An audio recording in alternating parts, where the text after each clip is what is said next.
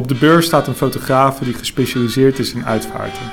Waar er meestal wel valt te spelen met de waarheid van een foto, is dit voor de uitvaartfotograaf niet mogelijk.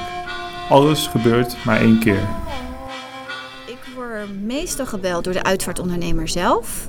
Uh, dat iemand uitvaartfotografie wil. Dan krijg ik uh, de rouwkaart en de gegevens van de mensen. Dus dan heb ik al een beetje achtergrondinformatie om hoeveel kinderen het gaat, of er kinderen zijn. Al dat soort dingen vind ik belangrijk om te weten voor de foto's. Van wie, wie de echte naaste familie is. Dat ik iedereen zeg maar op de foto zet. Dus dan heb ik al een stukje informatie en aan de hand van die informatie stel ik zeg maar een lijst op met allerlei vragen die ik uh, voor, voor de nabestaanden heb. Van wat ze wel en niet gefotografeerd willen hebben. Nou, dat schrijf ik allemaal op. En eigenlijk hoef ik dat daarna niet meer na te lezen, want dat zit zo in mijn gedachten van wat ze graag willen en niet willen. Mijn naam is Angelique Balhaus. Ik kom uit Hoogvliet. Daar heb ik een fotostudio en daarnaast uh, doe ik uitvaartfotografie en dat doe ik door heel Nederland. Niet alleen in Hoogvliet, maar ook in het Westland. Uh, en de, verder buiten. Als uh, de kans er is, ga ik nog even bij de mensen langs om echt een persoonlijk gesprek.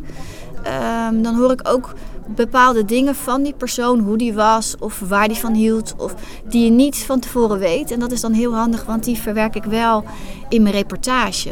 Ja, en als ik dan weet wat ze willen, dan op de dag zelf uh, dan, maak ik, uh, dan zorg ik altijd dat ik van tevoren er ben. Dat ik de situatie goed kan bekijken. Wat het licht is. Um, welke momenten ik moet pakken. Welke momenten uh, er waar gebeuren. Want bij iedere uitvaart zijn sommige dingen toch wel weer op een andere plek. Iedere kerk bijvoorbeeld heeft een eigen plek waar die bepaalde dingen doet. En dat is toch per kerk verschillend. Dus ik wil dan altijd van tevoren zien van nou op dat moment moet ik daar zijn. Dus ik bereid het wel altijd heel goed voor.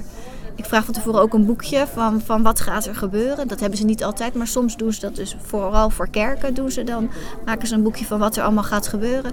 En ik zorg van tevoren dat ik dat heel goed weet, zodat ik geen moment kan missen. En dan bespreek ik nog met de uitvaartondernemer de belangrijke dingen.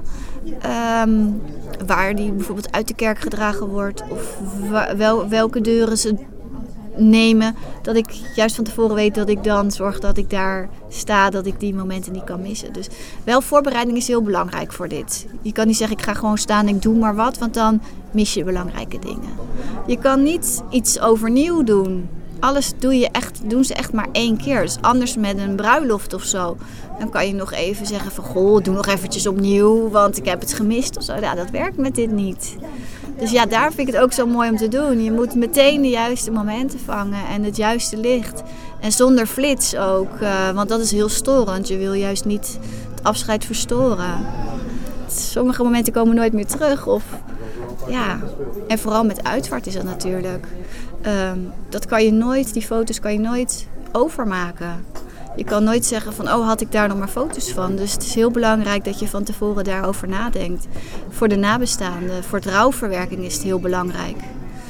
En uh, ja, dat is echt uh, zo mooi om te mogen doen.